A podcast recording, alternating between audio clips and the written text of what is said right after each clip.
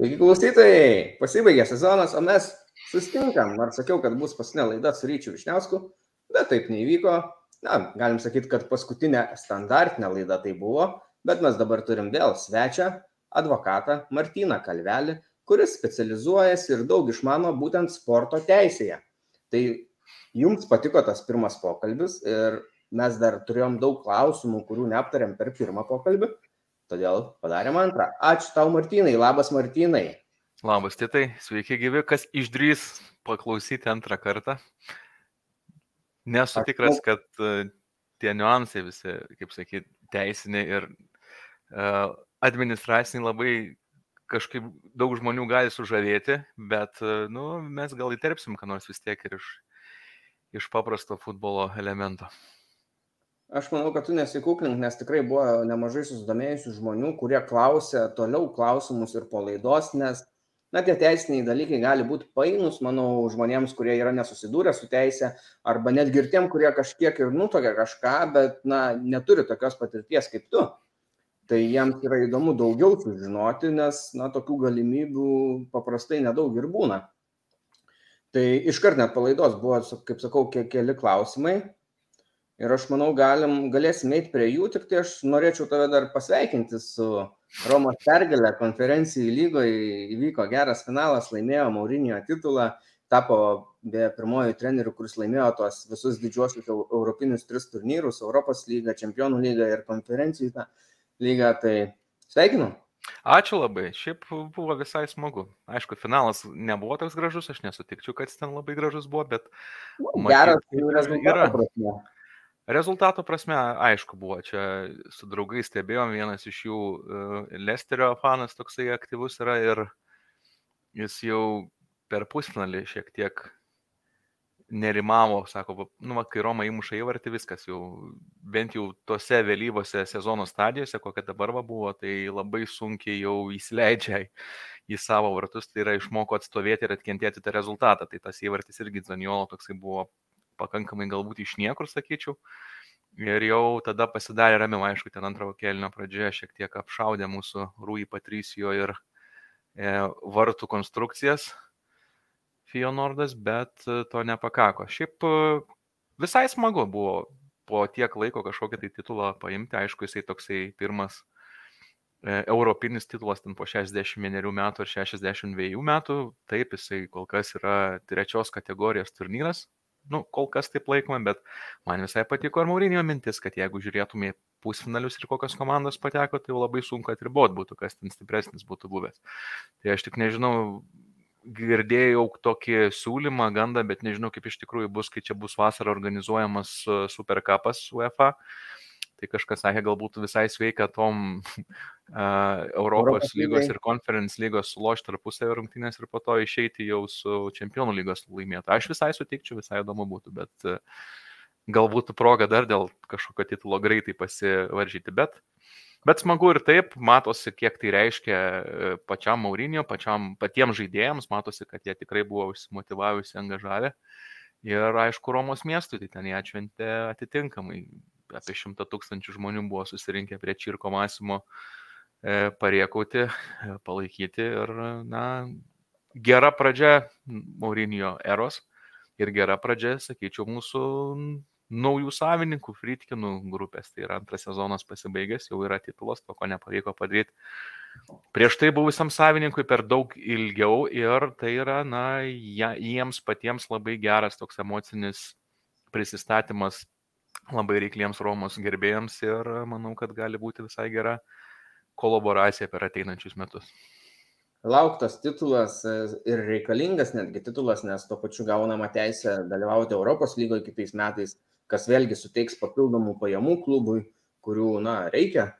Ir kalbant apie tą, tą formatą galima, ar ne, galbūt ateityje, kad galėtų žaisti konferencijų lygos nugalėtojas su Europos lygos nugalėtoju, dėl teisės žaisti su čempionų lygos nugalėtoju Tai šiaip visai smagi idėja, tik tai turbūt Europos lygos nugalėtojai truputį galbūt ginčytųsi dėl to, nes dabar iškart tiesioginė teisė, tarkim, Eintrachtui sužais su realu, o čia vat, yra rizika ir negautos teisės.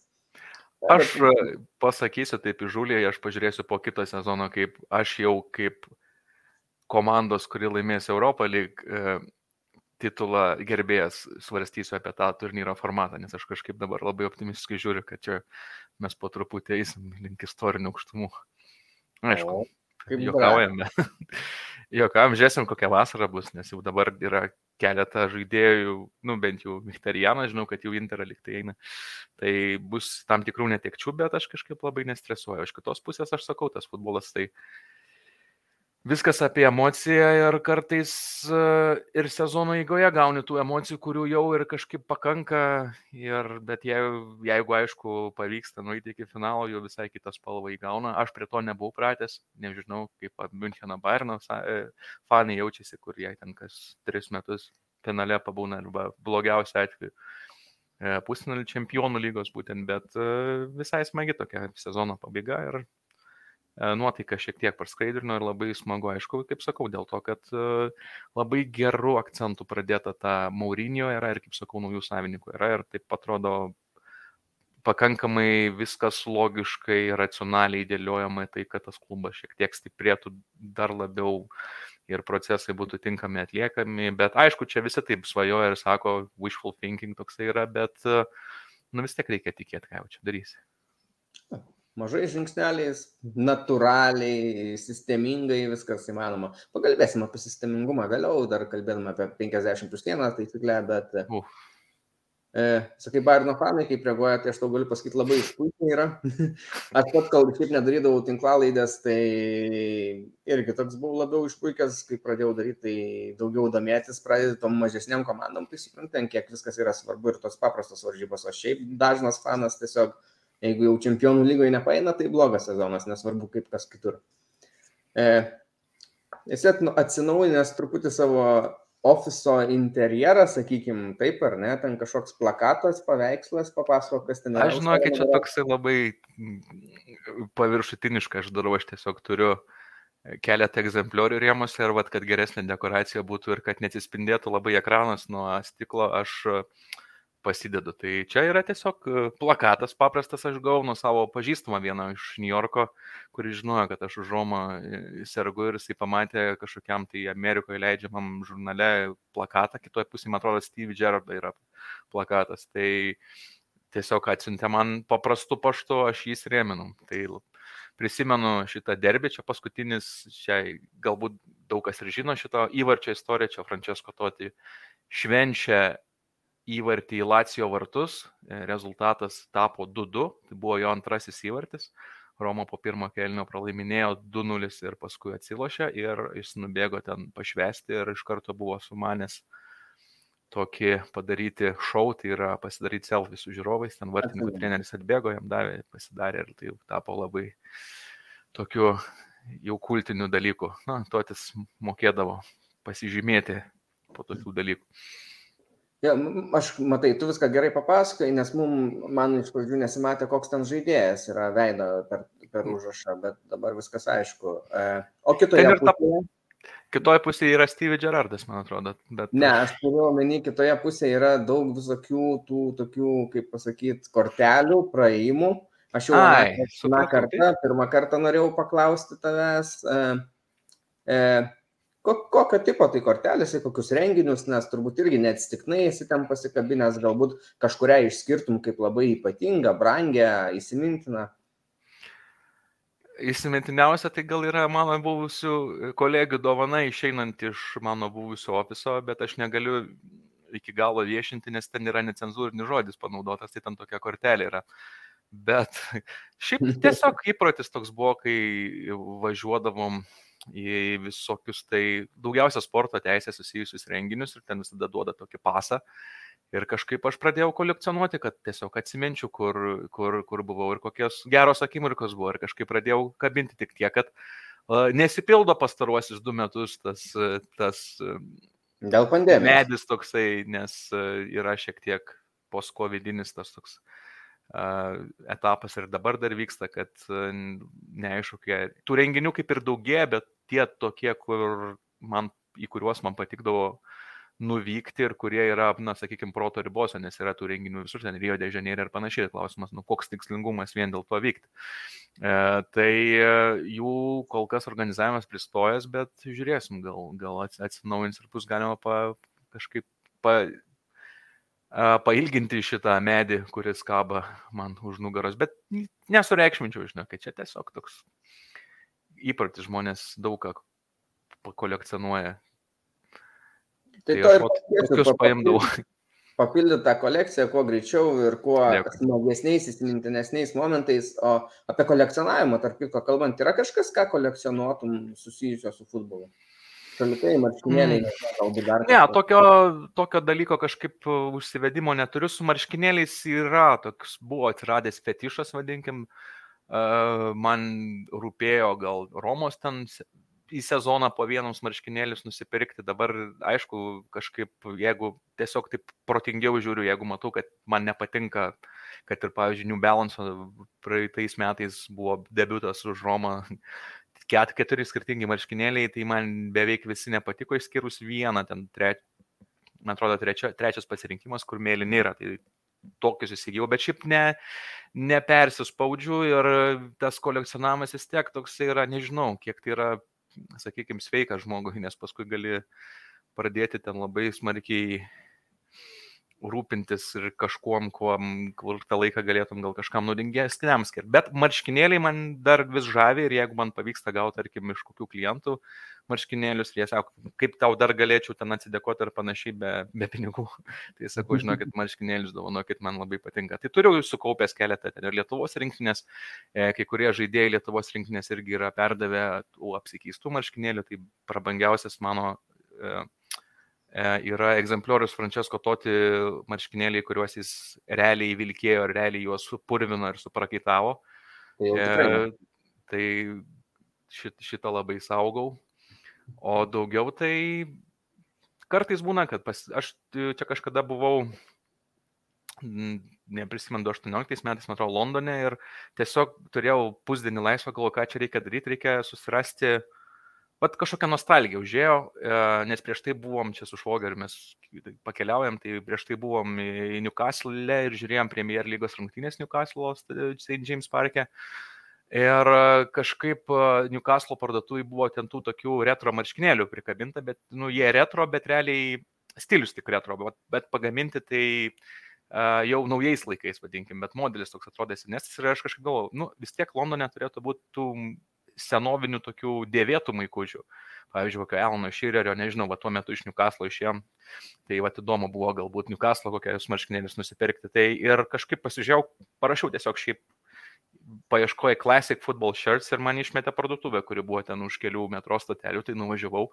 Ir ten e, šiek tiek gavau tą tokį šoką malonų ir nostalgijos tokią bangą, nes visus tos marškinėlius iš savo vaikystės laikų, kurie, nu, ten nežinau, pavyzdžiui, Ronaldo 98 metų pasaulio čempionato marškinėliai, to tikrojo, Luis Nazario dalimą. Nu, man jie yra kultinė absoliučiai, nes aš prisimenu, kad nu, anksčiau būdavo galima įsigyti tos tokius padirbtus tos marškinėlius iš tokių, kaip aš sakau, plavkių medžiagos. Tai ir tu matai juos gyvai ir tu čiupinė ir matai, kad tikrai ir kokybė faina. Ir tada, tada man tokia buvo banga užsiemus, aš ten keletą keletą tų marškinėlių nusipirkau. Ten Toti 2000 metų Europos čempionato, po to man vienas svarbesnių buvo Roberto Badžio 98 metų marškinėlį. Buvau Ševčenkos nusipirkęs, bet e, ir gavau parašą, bet paskui atidaviau aukcioną tą paramos e, alternatyvą. Dabar marškinėlių, ar ne? Jo. Šiaip galvojau, daugiau gausim pinigų, bet kad ką padarys, viskas gerai.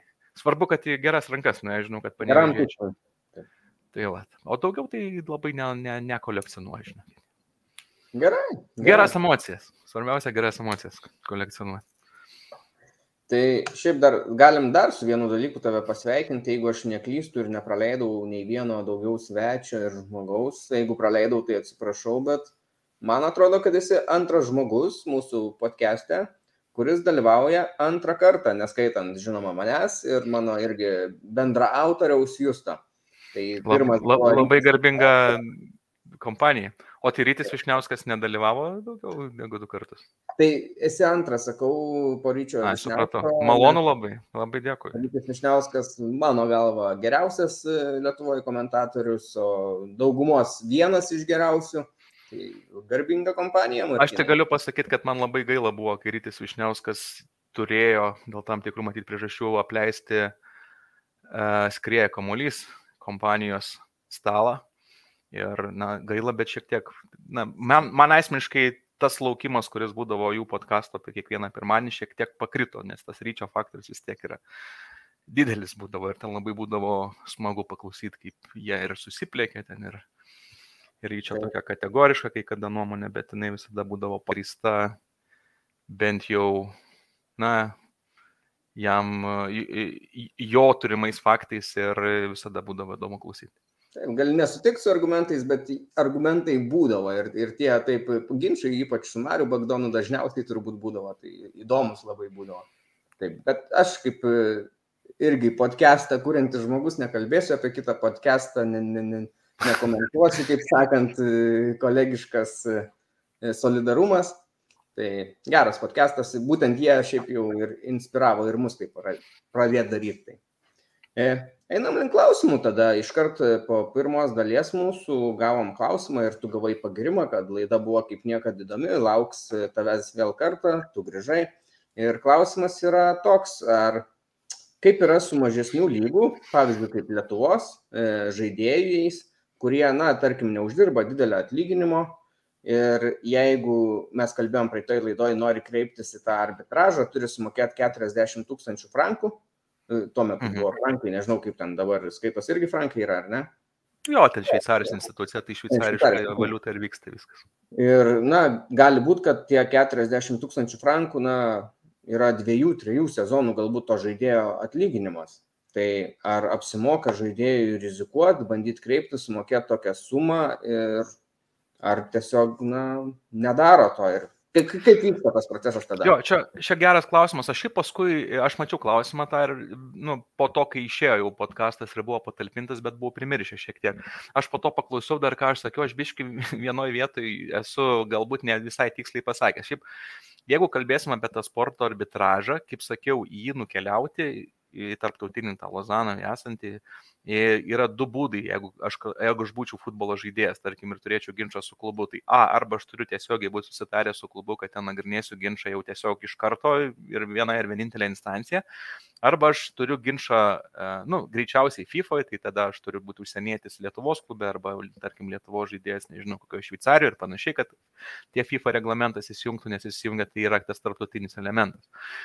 Ir kai nukeliauja arbitražą, yra dviejų tipų išlaidos. Tai va, jeigu vienos išlaidos tai yra tas, tos, kurios žaidėjas susimoka, tarkim, savo advokatui už, už, uh, už paslaugas, taip pat jeigu ten reikia, pavyzdžiui, fiziškai keliauti į arbitražą, dabar dėl to jau reikiamybės tokios nebėra su po COVID ir Zoom būmu. Uh, tai tos išlaidos yra apribotos ir netgi jeigu tu laimi, jų ne visada priteisė, a, kiek tu išleidai, ir ne visada šiaip pritėsi. Nu, tarkim, gali būti žmogus įsileidęs nežinau, ten 20 tūkstančių eurų bus jam priteista kokiu 5 tūkstančiai. Bet čia vis tiek, čia yra tos išlaidos, kurias žaidėjas savotiškai gali kontroliuoti, nesgi susitarė su advokatu, žino, kiek sumoka ir panašiai. Ir yra kita pusė išlaidų, tai yra tas išlaidos, kurias tu realiai susimokė arbitražui už jo darbą, jeigu taip galima pasakyti, tai arbitration costs vadinasi. Tai tos arbitration costs priklauso nuo to, kiek arbitrų nagrinės tavo ginčą, ar vienas ar trys, yra proporcingai auga. Ir ten sistema yra tokia, kad pagal taisyklės, pagal reglamentą abi šalis turi vienodai sumokėti tų arbitration cost. Ir kas laimi, tai realiai tai šaliai priteisiama iš kitos šalies jo sumokėta. Visiškai viskas. Jeigu laimi visiškai. Tik tai jeigu žaidėjo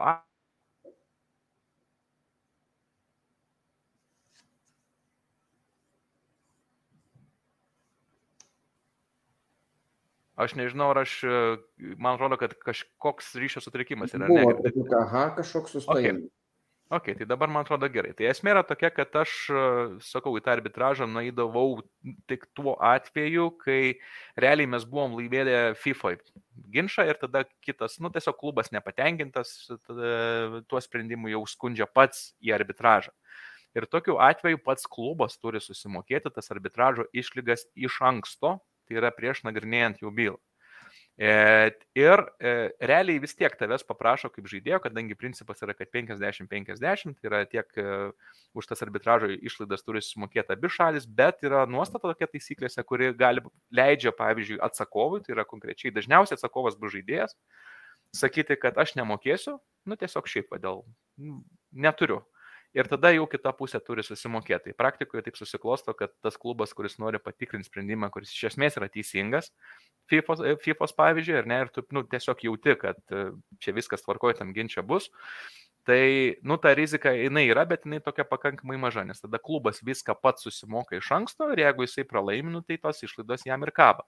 Dabar, jeigu būtų situacija atvirkštinė, nu, tai yra, tarkim, jeigu žaidėjas pralaimi ginčą pirmojo instancijoje ir jam pačiam reikia eiti į, į kasą, va tada jau būtų klausimas, ar tikrai verta, ar tikrai, kaip sakyti, jo rankose yra geri faktai, ar jisai buvo teisus šitoje vietoje, ar jisai neprarastų daugiau lėšų, nes tada jau tą tokį pat žaidimą gali žaisti klubas, kuris bus atsidūręs atsakovo pozicijoje. Jisai gali sakyti, lai žaidėjas, tas apeliantas, tas žmogus, kuris kreipiasi į arbitražą, lai sumoka tas iš, išlaidas. Tos išlaidos, kaip sakau, čia tos antros grupės. Tai jeigu, pavyzdžiui, vienas arbitras nagrinėja, tai būna ten, nu, tarkim, panaši suma bus apie 20 tūkstančių frankų, bus pasakyti. Jeigu nagrinėja 3, bus apie 40, kažkas tokio. E, bet faktas, kad, tarkim, koks Luis Suarezas, kai sukandžiojo kelinį, jeigu prisimena 2014 metais ir paskui jis ten gavo nuo FIFOS e, jau drausminį tą baną, tai čia ne kontraktinis ginčas, ne žaidėjas su klubu ginčias, bet tiesiog jam FIFA įkirto sankciją ir jisai gynėsi nuo tos sankcijos, ją skundė ir paskui į kasą ėjo, tai jis faktiškai turėjo susimokėtas išlaidas, bet tokiam Suarezui 40 tūkstančių frankų yra juokas palyginus. Bet yra dar vienas svarbus dalykas, aš praeitą laidą minėjau, kad yra toks vadinamas legal aid instrumentas, tai yra e, realiai sporto arbitražo teismas suteikia žaidėjams, e, fiziniams asmenims, tai nu, žaidėjams, atletams, treneriui, kurio pajamos nėra pakankamos, suteikia pagalbą ir realiai atleidžia nuo tos antros grupės išlaidų ir iš jo nėra priteisiamas. Tai savo praktikoje vieną kartą teko tokio E, instrumento prašyti ir jisai nu, buvo gautas, buvo patenkintas prašymas ir realiai vėliau ten labai nelendant tą bylą nesusiklostė sėkmingai, bet žaidėjas, tiksliau ten ne žaidėjas buvo, o kitos sporto, individualios sporto šakos e, vienas atletas, atletė, tai kiek žinau, kad nu, paskui nereikalavo iš jos. Uh, nereikalavo tų sumokėtų sumų. Tai kaip ir mano atsakymas į trumpas į šitą ilgą mano išplėstą klausimą būtų, kad nu, jeigu tavo teisės pažįstos ir matai, kad jos pažįstos iš esmės ir yra galimybė tokią tiesą pristatyti nešališkiams arbitrams, tai reikia eiti ir pristatinėti. Ir, na, aišku, įvertinus ir sudėliojus, įvertinus finansinę riziką ir sudėliojus planą, kaip tą riziką minimizuoti kažkaip. Gerai, ačiū už atsakymą ir niekur mes negalim pabėgti nuo tos teisinės sistemos, nes man kilo du klausimai. Mm. Kol, aš, kol atsakysi į pirmą, tai gali būti, kad dar daugiau kils, bet e, gerai, aš atsiprašau, jeigu aš kažką netaip supratau ir nusišnekėsiu, tai tada tu mane stabdyk, bet man įdomu tada, kad, okei, okay, kreipiamės pirmiau į FIFA, pasižiūrėti ar ne. Mhm. Taip. E, ar yra kokių buvę gal ankstesnių bylų, precedentų, kad, pavyzdžiui, FIFA tu laimi, kaip ir ar ne, ir tada drąsiau eini į arbitražą, Ir, o tenai kitoks sprendimas, priešingas. Tai tikrai taip, tai tokių dalykų būna. Ir netgi, kaip sakyti, jeigu tu laimi FIFA, tu neini arbitražą, nes tau to sprendimo pakanka, tiesiog kita pusė eis arbitražą ir tave nusivesta. tai čia toks vienas dalykas, nes aš jeigu laimiu, nu, tarkim, aš nutraukiu kontraktą su klubu, Ir aš sakau, man priklauso milijono eurų kompensacija ir man tą milijoną priteisė. Nu, ne milijoną priteisė, 900 tūkstančių, bet aš esu patenkintas viskas. Bet klubas sakys, ne, neteisingai nustatė šitą faktą, gal čia pats žaidėjas pažydė kontraktą ir jis eis tada arbitražą. Ir taip. Ir tikrai būna, kad apsuka visiškai sprendimą. Arba, pavyzdžiui, būna skirtingai nustato sprendimas iš esmės tas pats, nu, pavyzdžiui, e, kai žaidėjas neteisėtai nutraukia kontraktą su klubu, žaidėjas turi mokėti kompensaciją. Ir FIFA taisyklėse yra nustatytos tokios gairės, kaip ta kompensacija yra apskaičiuojama. Šitos kompensacijų bylos tai buvo vienas didžiausių ir tokių reikšmingiausių bylų sporto arbitražo istorijoje. Ir esmė yra tokia, kad, pavyzdžiui, gali nustatyti FIFA, kad taip, iš tiesų žaidėjas pažeidė kontraktą, jis, e, tarkim, neteisėtai jį nutraukė ir dėl to priklauso klubui kompensacija iš žaidėjo, bet, e, pavyzdžiui, gali apskaičiuoti kompensaciją vienu būdu, o tada nuėjus arbitražą, arbitražas sako, okei, okay, teisingai, žaidėjas neteisėtai nutraukė sutartį, bet kompensacija skaičiuojama truputėlį kitaip. Tai čia tokių dalykų yra. Šiaip e, mes, pavyzdžiui, jeigu nu, įprastai čia, aišku, gal neteisininkam šiek tiek sunkiau suprasti bus, bet aš kažkaip paprasčiau bandysiu paklausti. Jeigu aš, pavyzdžiui, normaliam, nu, tarkim, Lietuvos teisme einu į teismą tai yra tam tikros instancijos. Ten yra pirma instancija, paskui yra apeliacinė ir jau po to aukščiausia yra kasacinis teismas, kuris patikrina. Teisinė hierarchija, sakykime. Jo, yra tam tikra hierarchija ir dažniausiai viskas apeliacijų užsibaigia, nes į kasacinį teismą yra sunku patekti, nes toli gražu ne kiekvieną skundą priima, ten reikia tą skundą gerai surašyti, kad jį primtų. Bet esmė yra tokia, kad Vat jeigu pirma instancija man kažkokią sprendimą blogą priemė ir aš apsiskundžiu, tai e, tiesiog apeliacinė patikrina to, vadinkim, sprendimo teisėtumą. Tai yra, ar teismas ten nepažydė kokį rodėjimo vertinimo taisyklių. Nu, ar, ar teismas nesufeilino, vadinkim taip. Tai arbitražė sporto, būtent toj FIFA kontekste, kas mus labiausiai domina, ar ne, tai futbolo ginčiai. Tai e, arbitražas laiko, kad kai tu ateini iš FIFA, tarkim, į tą apeliacinę instanciją arbitraže, tai nėra ta grinoja apeliacija, kur tikrina, ar FIFA gerai priėmė sprendimą. Jie realiai iš naujo išnagrinėja ginčą. Tai toks vadinamas denovo principas, jie paima ir išnagrinėja. Nors ten, pavyzdžiui, yra tokios taisyklės, kad aš arbitražint kaip ir nebeturėčiau to apeliaciniam.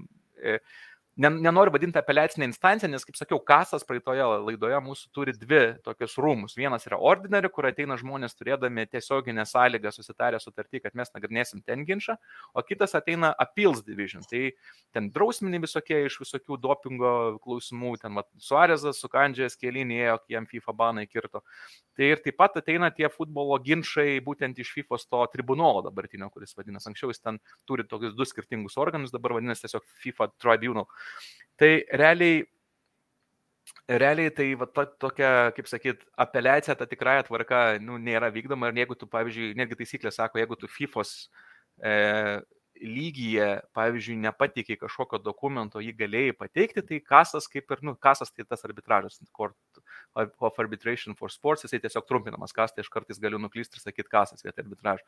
Tai esmė yra tokia, kad kaso taisyklė sako, kad jūs jau nebegalit pateikti tų įrodymų, bet realiai pateikia ir ten įsileidžia ir labai sunku būtų apriboti. Faktiškai tas arbitražas išnagrinėja iš naujo tą ginčą. Gerai, gerai, aiškiau, iš pirmo klausimo daugiau man nekilo, bet turim tada antrą klausimą. Antras klausimas maždaug taip skambėtų. Jeigu vėl nusišnekėsiu, tai sakyk. Uh... Nenusišnekėti, tai viskas. Aš kartais galiu nusišnekėti. Bet aš tavęs nepagausiu. Tikėkime.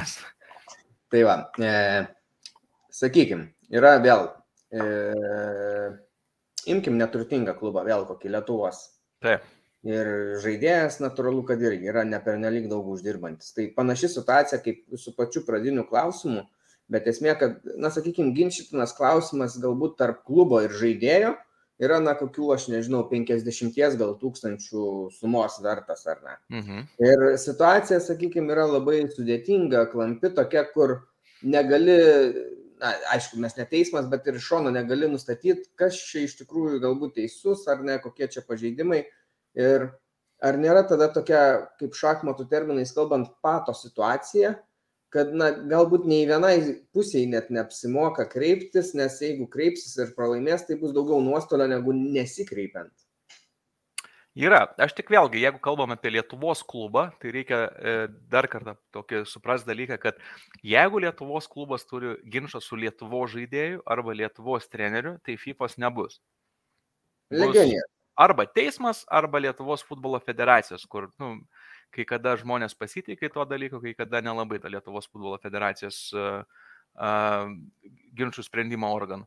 Bet, nu, jo, legionierius. Tai faktas, kad tokiu atveju, nu, pavyzdžiui, dėl ėjimo į FIFA, aš tai mm, ne, labai nebejočiau, nes FIFA šiaip palyginus mažai kainuoja. Tarp, tarp žaidėjo ir klubo iš viso ginčiai yra nemokami. Jeigu klubas su klubu, va, ten tu už, už FIFA įsprendimą gali susimokėti, tarkim, nuo kokių 5 tūkstančių iki 15 tūkstančių frankų. Tai čia irgi toks dalykas. Bet klubas ir žaidėjas yra nemokami ginčiai. Tiek kai klubas kreipiasi, tiek kai žaidėjas kreipiasi. Tai realiai tos rizikos mažai yra, aš sakyčiau. Bet paskui, jeigu reikia eiti į arbitražą, tai faktas, kad, nu, tiesiog vertini riziką kartu su klientu ir bandai sužiūrėti, ar, ar čia apsimoka ar neapsimoka, ar ta rizika ir nežinomybė yra per didelė ir, ir galbūt jinai yra nepakeliama, tai tokia atveju galbūt sakys, ai, paliekam kaip yra. Tai čia tokia realybė, nes pas mus visada darbė yra, m, mm, šiaip pagal etikos reikalavimus mes negalim duoti, tarkim, tikimybės procentais, nes nu, šiaip negalima, bet iš principo vėlgi netgi būna tos situacijos, kur tu atrodo šimtų procentų esi teisus, labai gerai paruošęs bylą, bet kažkodėl ne, negauni to sprendimo, kur reikia. Tai yra tas dalykas, kurį mes vadinam teisinė rizika. Jis yra e, kažkiek objektyviai kontroliuojamas, bet vis tiek yra tas subjektivumo momentas. Nu, tarkim, vis tiek yra žmogus, kuris priima sprendimą ir jisai gali tą dieną būti tiesiog, pavyzdžiui, nepakankamai atidus arba tu jam nepatiksi kažkodėl ir vat, gali nueiti sprendimas į kitą pusę. Tai čia toks yra, kaip sakyti, kur daug, daug žmonių yra grandinėje, tai visada tas yra tokia tikimybė ir klaidos, ir, ir tavo paties, ir mano, pavyzdžiui, paties klaidos. Ir svarbu gerai iškomunikuotas rizikas ir na, padėti klientui primsprendimui. Vis dėlto tai jo yra sprendimas, ar jisai pasirengęs tą riziką prisimti ar ne. Bet be abejo būtų tų faktų, kuriuose, kuriems esant aš atkalbinėčiau, sakyčiau, gal neverta. E, kol mes kalbėjom, aš gavau, žinok, naujų klausimų. Tai mhm. pabandykim pažiūrėti, kas čia yra. O Vidijus klausia. E, tai kuri suma tada akcentuokim, kuri suma yra būtų, jeigu jau prasidėjo kažkoks ar nesakykime arbitražė procesas ir nusprendžia kažkaip abi ar viena pusė nutraukti tą procesą. Mhm. Kai arbitražas nepriima sprendimo iš esmės, tai dalis, didžioji dalis išlaidų bus gražinama tom šalims, kurios yra sumokėtas. A, Tai reiškia, Pavyzdžiui, jeigu taikos sutartį. Jo, ten realiai grubiai žiūri, ar arbitrai atliko darbą ar ne, nes e, reikia suprasti, pavyzdžiui, 40 tūkstančių frankų ateina į arbitražo sąskaitą, tai tarkim bus kokie 5 tūkstančiai skirti arbitražui kaip institucijai, nes jinai turi palaikyti mechanizmą, jinai turi samdyti tos uh, legal counselių savo, kurie paruošė bylą, ten yra gal kokių 20 žmonių dirba tam arbitražė. Tai realiai, nu, tai yra administracinės išlaidos, kurias jie kažkiek pasiema. O kitos, kitos, kita dalis yra skirta arbitrams už darbą. Ir jeigu faktiškai arbitrai neprisidėjo dar prie bylos, nes nu, ten kai vyksta dar tie susirašinėjimai pradiniai, tai ten nieks į esmę kol kas nesigilina. Tai faktas, kad e, nebus iš, išvalgyta ta suma ir kažkokią sumą galės gražinti. Dėl to visi skatina tą taikų susitarimą. Bet jeigu jau darbo kažkiek atlikta, tai tada ja. bus kažkas. Tada gali būti kažkiek pavalgyta. Mhm. Čia šitas klausimas sureguliuotas yra ir reglamente, bet aš dabar nu, galėčiau atsiversti ir paskaityti, bet tiksliai nepasakysiu, bet principas bus toksai, nes čia toks nu, standartinis komercinio arbitražo praktika tokia yra. E, tada klausia, kokia suma yra girdėta didžiausia priteista už klubą. Tai čia, nežinau, gal sakyti, iš klubo arba klubas galbūt prisiteisė ir tokį ir tokį variantą galim pabandyti. Aš dabar bijau pameluoti, bet iš, nu, jeigu yra skola didelė, tai faktas, kad šiaip, bet pavyzdžiui, apie kompensacijas kalbant, tai man atrodo, Chelsea iš Adrian būtų apie 17 milijonų prisiteisę, kažkas tokio. Mhm. Tai čia ar, ar 12, bet man atrodo 17. Nežinau, ar žino tą istoriją, ten buvo Adrianas Mūtų buvo pagautas su teigiamu kokaino mėginiu, tai kaip sakyt, toks įdomi, e, įdomi substancija buvo ir pats e, anglų klubas nutraukė sutartį su žaidėju, dėl, aišku, dėl objektivaus pažydimo ir prisiteisė kompensaciją ir ta kompensacija įėjo transfero mokestis, kurią jie sumokėjo, man atrodo, Helas Veronai tuo metu. Ir paskui mhm. dar buvo vienas ginčas, kur jau ginčijosi, nes aš kaip sakiau praeitą laidą, kad e, kai žaidėja, tai kai klubas naujas pasiema žaidėją su nuodėme, kaip sakau, aš tai yra su, pavyzdžiui, žaidėja, ką tik nutraukus kontraktą.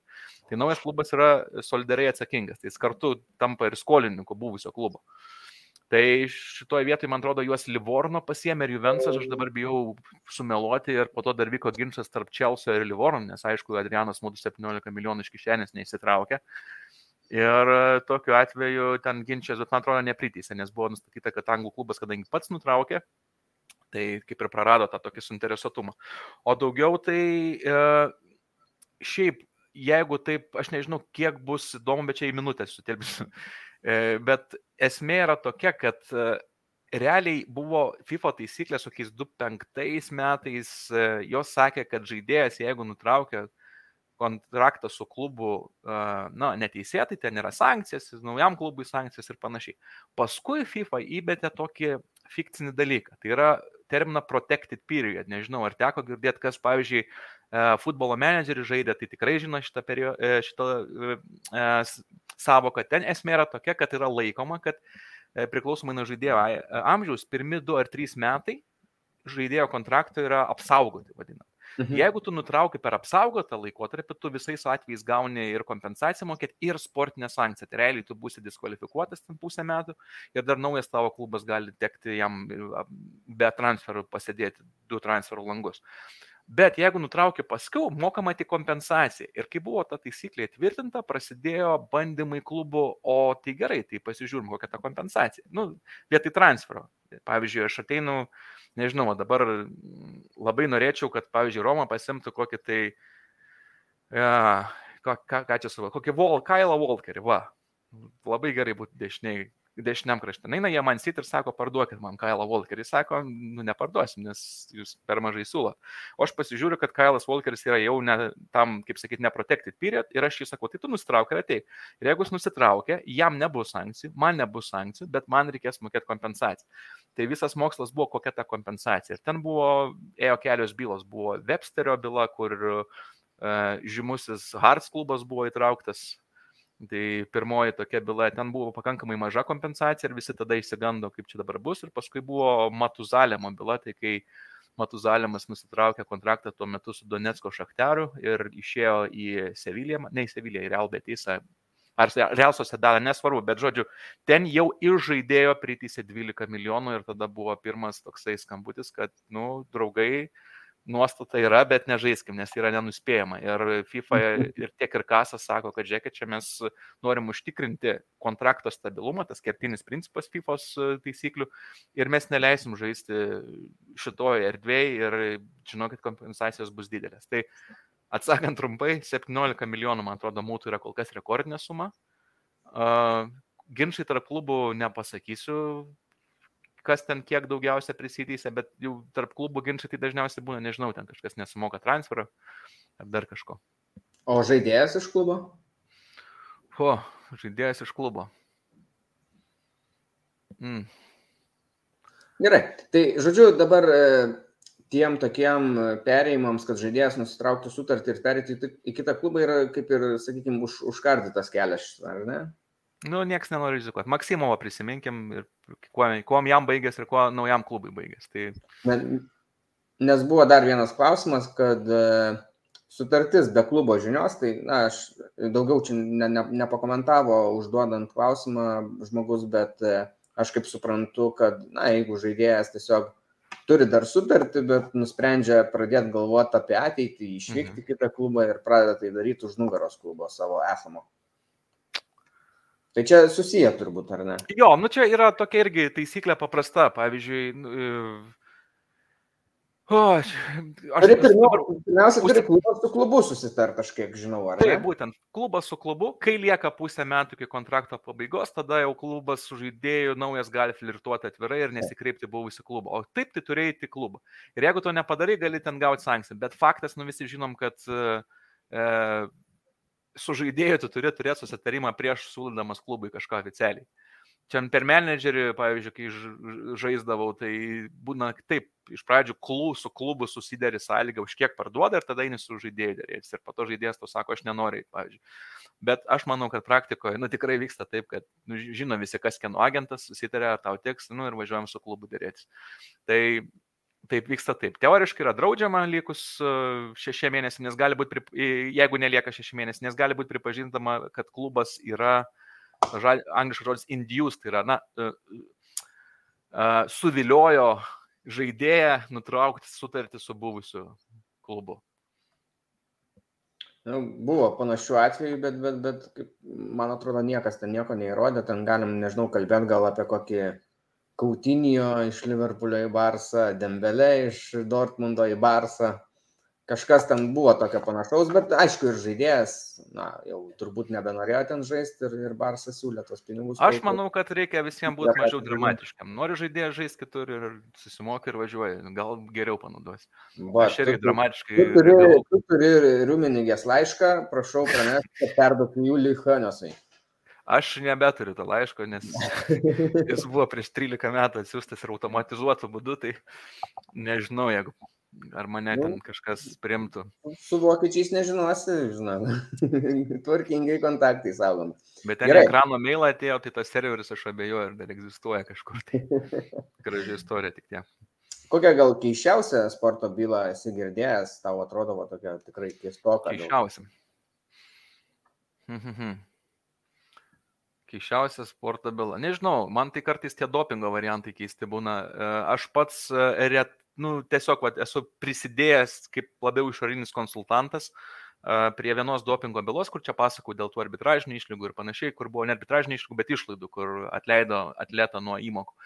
Bet esmė yra tokia, kad man labai įdomu būna skaityti, kaip dopingo bylose e, realiai, nu, tas pagrindinis pažeidimas yra vadinamas presence. E, Tai yra materijos buvimas žmogaus organizme, nu, tai draudžiamos materijos.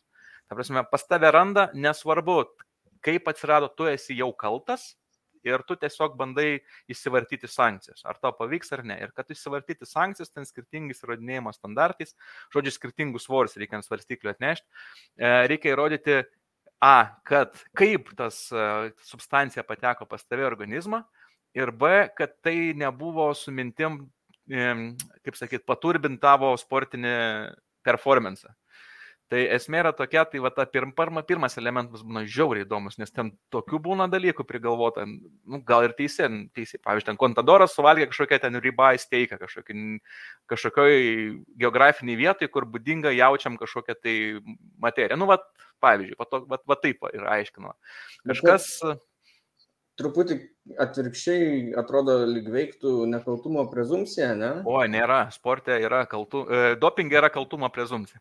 Aha. Ir ta taisyklė yra labai tokia, nu, griežta. Bet, nu, tu realiai pažyd, pažyd, tiesiog yra pažydimas už tai, kad e, pas tave randa tos substancijas. Ir tai yra, nu, ta taisyklė buvo, čia tas ir vadinamas strict liability, tai yra e, griežta atsakomybė arba atsakomybė kalties ir tas konceptas visiškai primtinas ir, pavyzdžiui, tą taisyklę nagrinėjo ir Šveicarijos federalinis teismas, sakė, čia viskas ok, nes jo užtikrinamas interesas, a kad būtų tas vadinama, na, lygi, lygios varžybos, sąžiningos varžybos.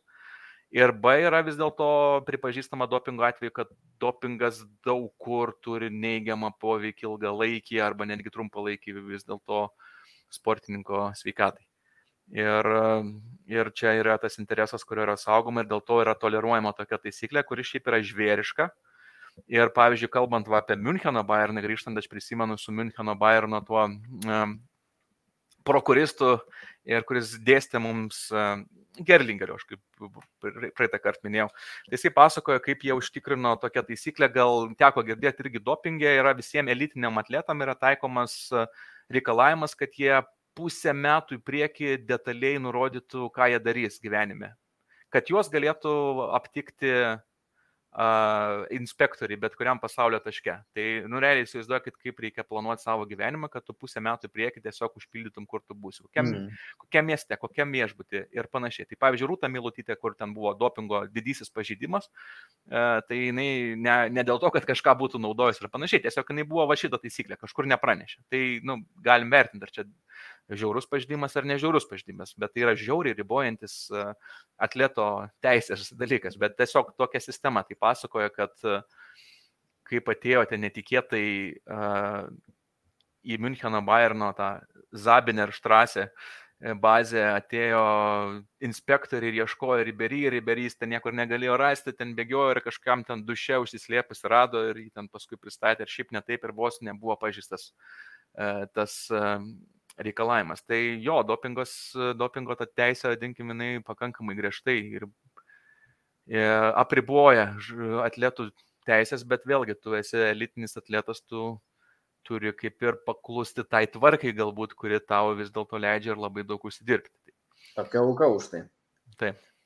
Jo, mes jau tikrai nemažai įdomių dalykų, naujų, kurių aš tai tikrai nežinojau atskleidėm.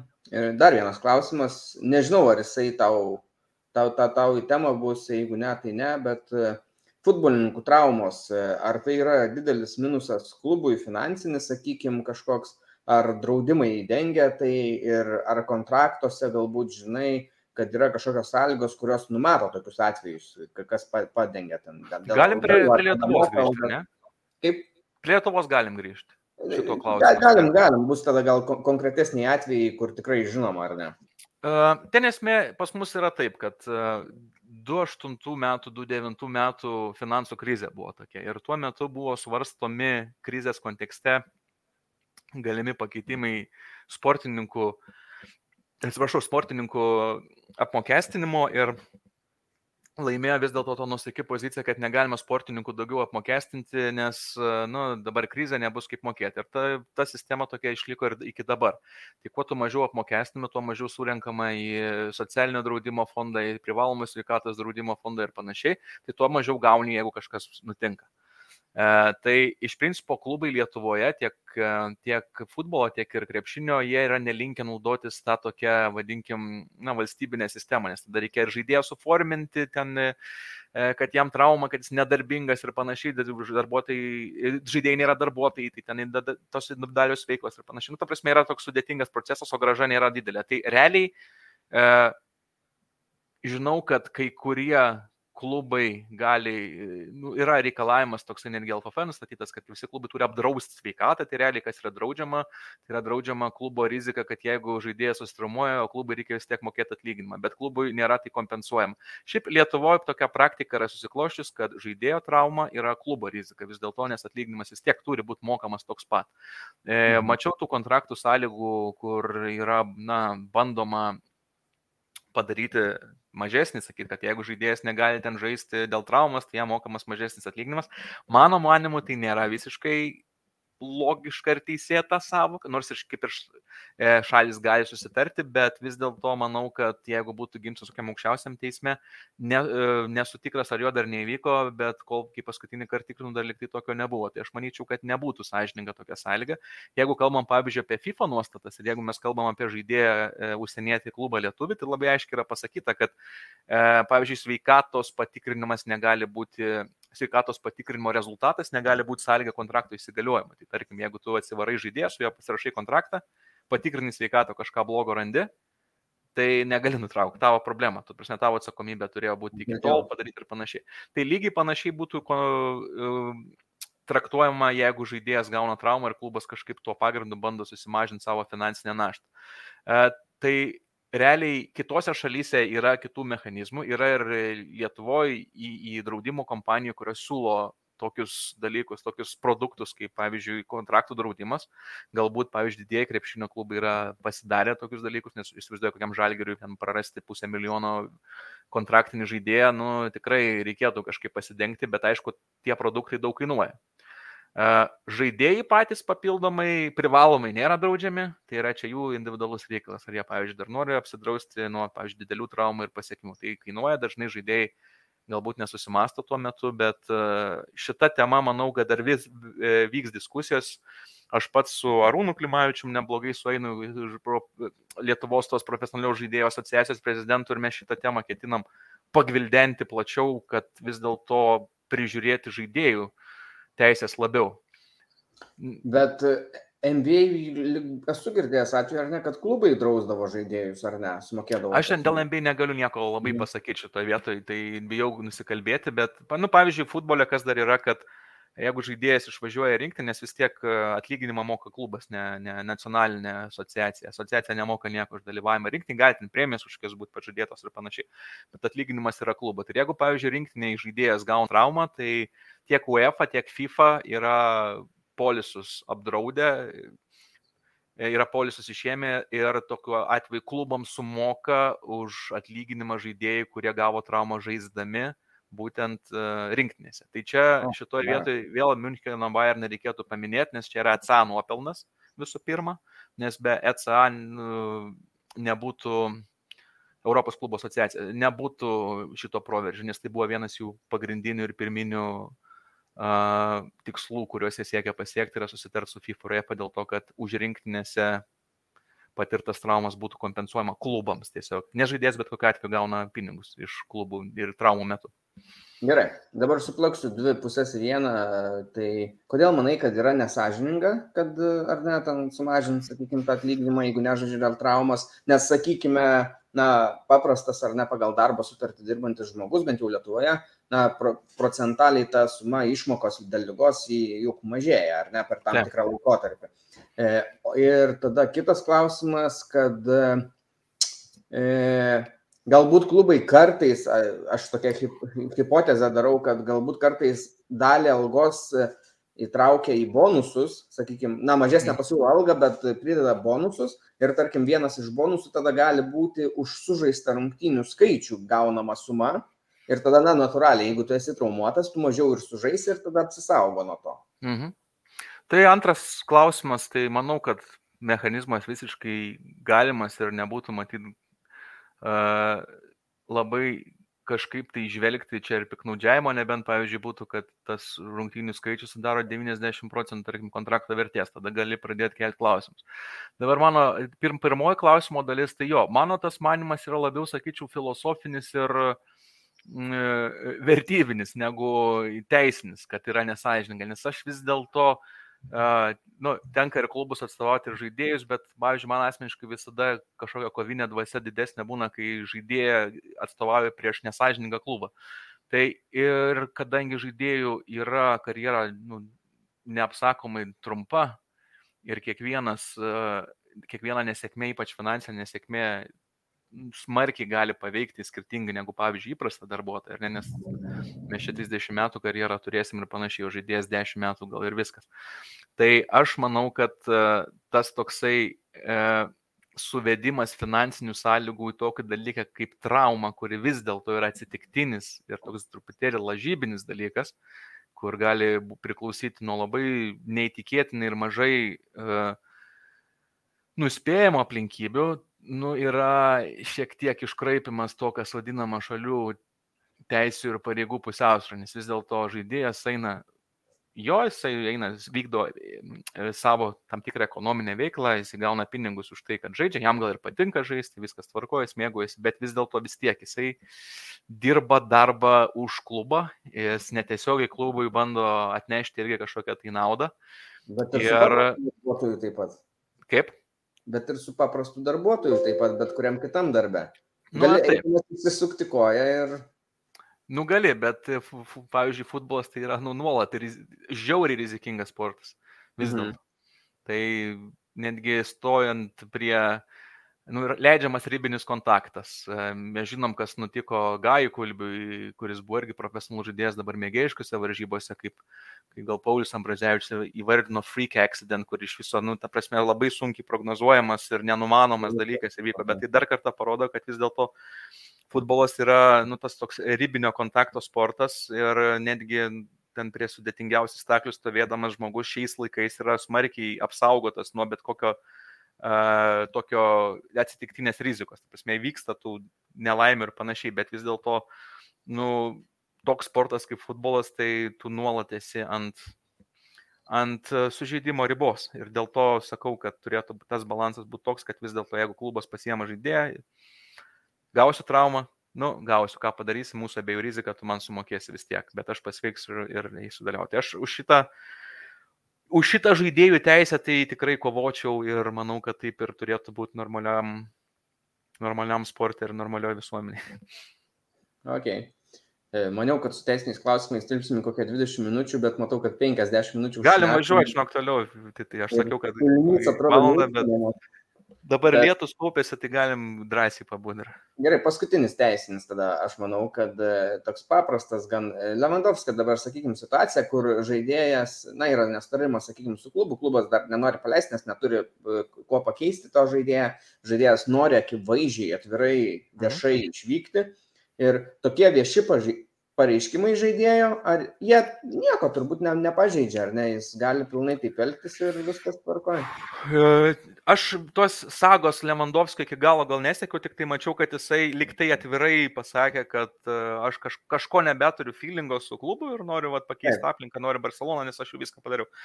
Jo, e, tai savaime galbūt nėra kažkoks tai neteisėto elgesio apsiriškimas ar kontrakto pažeidimas, bet jeigu situacija vystytųsi blogiau ir, tarkim, tai pradėtų atsispindėti jo elgesėje, neteimas treniruotės, kažkokios drausmės nebuvimas ar dar kažkokie jau objektyviai matomi dalykai, tai galėtų sukristi tą bendrą lygtį. Ir tada galėtų būti vertinama kaip aplinkybė, bet šiaip savaime, nu, aš galiu pasakyti, ką aš noriu. Aišku, ten tokių būna visokių įdomių įsipareigojimų kontraktuose, pavyzdžiui, būti lojaliu klubui ir ten nuolat gerai kalbėti, bet nu, žmogus yra trapi ir nepastavi būtybė ir kartais būna. Žodžio laisvė.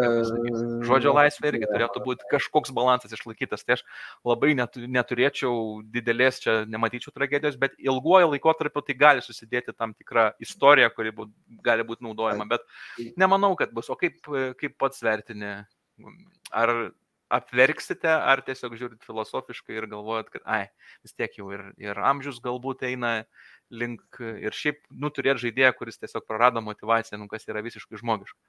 Kaip jūs žiūrite šitą? Aš, aš asmeniškai žiūriu taip, kad idealiausias variantas būtų, kad jisai dar norėtų ir liktų sezonui, bet nenori, bet ir tada vietoj Čiopų Motingo, kuris yra atsarginis ja. veteranas, visiškas būtų kažkoks jaunas, geras žaidėjas, kurį būtų galima matyti kaip ateityje pakeičiantį Lewandowski.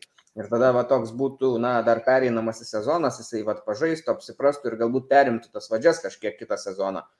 O dabar, na, tiesiog reikės naujo, akivaizdu, palėjo. Na, jeigu neišvyks, tai vis tiek po metų reikės.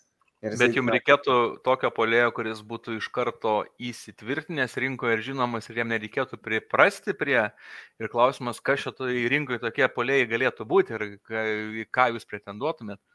Nebūtinai jis turi būti labai didelė žvaigždė. Bayernas e, dažnai paimdavo tiesiog, kad jau būtų iš Bundeslygos patikrintas, va, tam būdavo Mandžiukičius, Gomesas, na, jie. Ja, Gomesas tai šiaip savo laiku tai tikrai buvo labai, labai geras tuo metu. Mandžiukičius galbūt toks buvo labiau, na, mažiau toks hypo turintis žaidėjas, bet jisai puikiai pritrapo. Ir tada, na dabar eina visas kalbos apie Sadiją mane, tai va, visai geras variantas ir jisai gali kraštuose žaisti laisvai. Man tik tai va įdomu irgi, uh, Sadijo mane vis tiek yra tas kaip uh, toks bėgantis polėjas. Nu, ne, nežinau, tas, kuris į baudos aikštelę gali įsiveršti, bet labiau su koja užbaigs įvartį.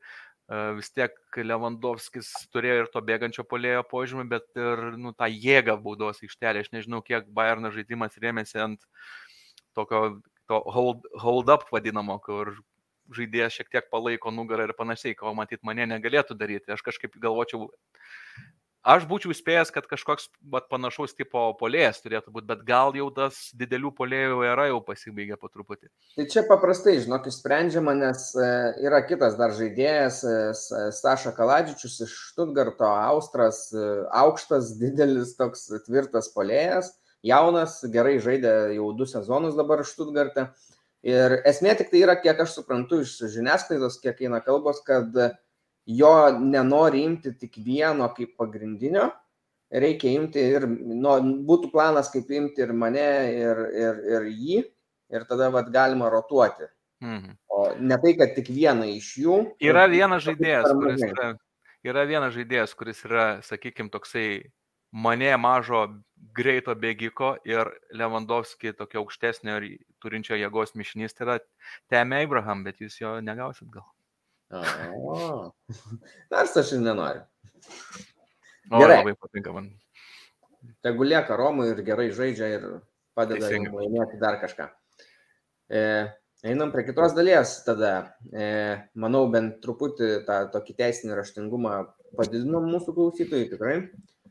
Tai sakėjai, skaitėjai įdomią knygą vokišką apie vokišką futbolą, tai vad gal prie jos eikime. Taip, aš norėjau kuo geriau pasiruošti ir praeitam podcast'ui, kai dalyvavau, nes jaučiausi, kad nuo vokiečių futbolo absoliučiai atitrūkęs esu. Tai tiesiog pasiemiau seną gerą rekomenduotą knygą, nėra tokia sena, Das Rebot vadinasi, tai mhm. matyt tau kaip e, filmų kritikui, e, iš karto aliuzija į legendinį vokiečių filmą Das Bot. E, tai ten tiesiog buvo knyga paremta Vokietijos žygių pergalingų 2014 metų pasaulio čempionate ir istorija ir analizė, kaip iki to triumfo nueita. Tai tiesiog man įdomiausi gal momentai buvo taip, kad buvo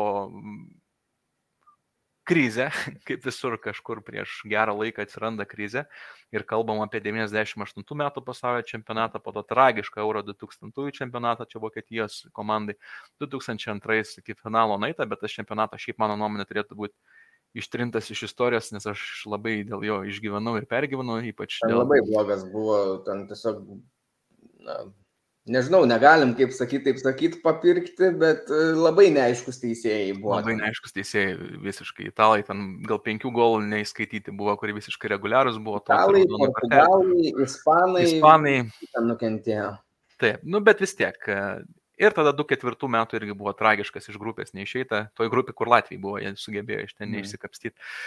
Ir aš nustebau šiek tiek, kad identifikuotos tos problemos buvo, kurios, buvo, kurios ir gal mum aktualios, tai yra tai, kad e, neva nepakankamas jaunimo ruošimas, o problema, aš kaip suprantu, buvo tai, kad nu, Vokietija šiaip didelė valstybė ir vis dėlto jaunimo ruošimas buvo sukoncentruotas į klubus.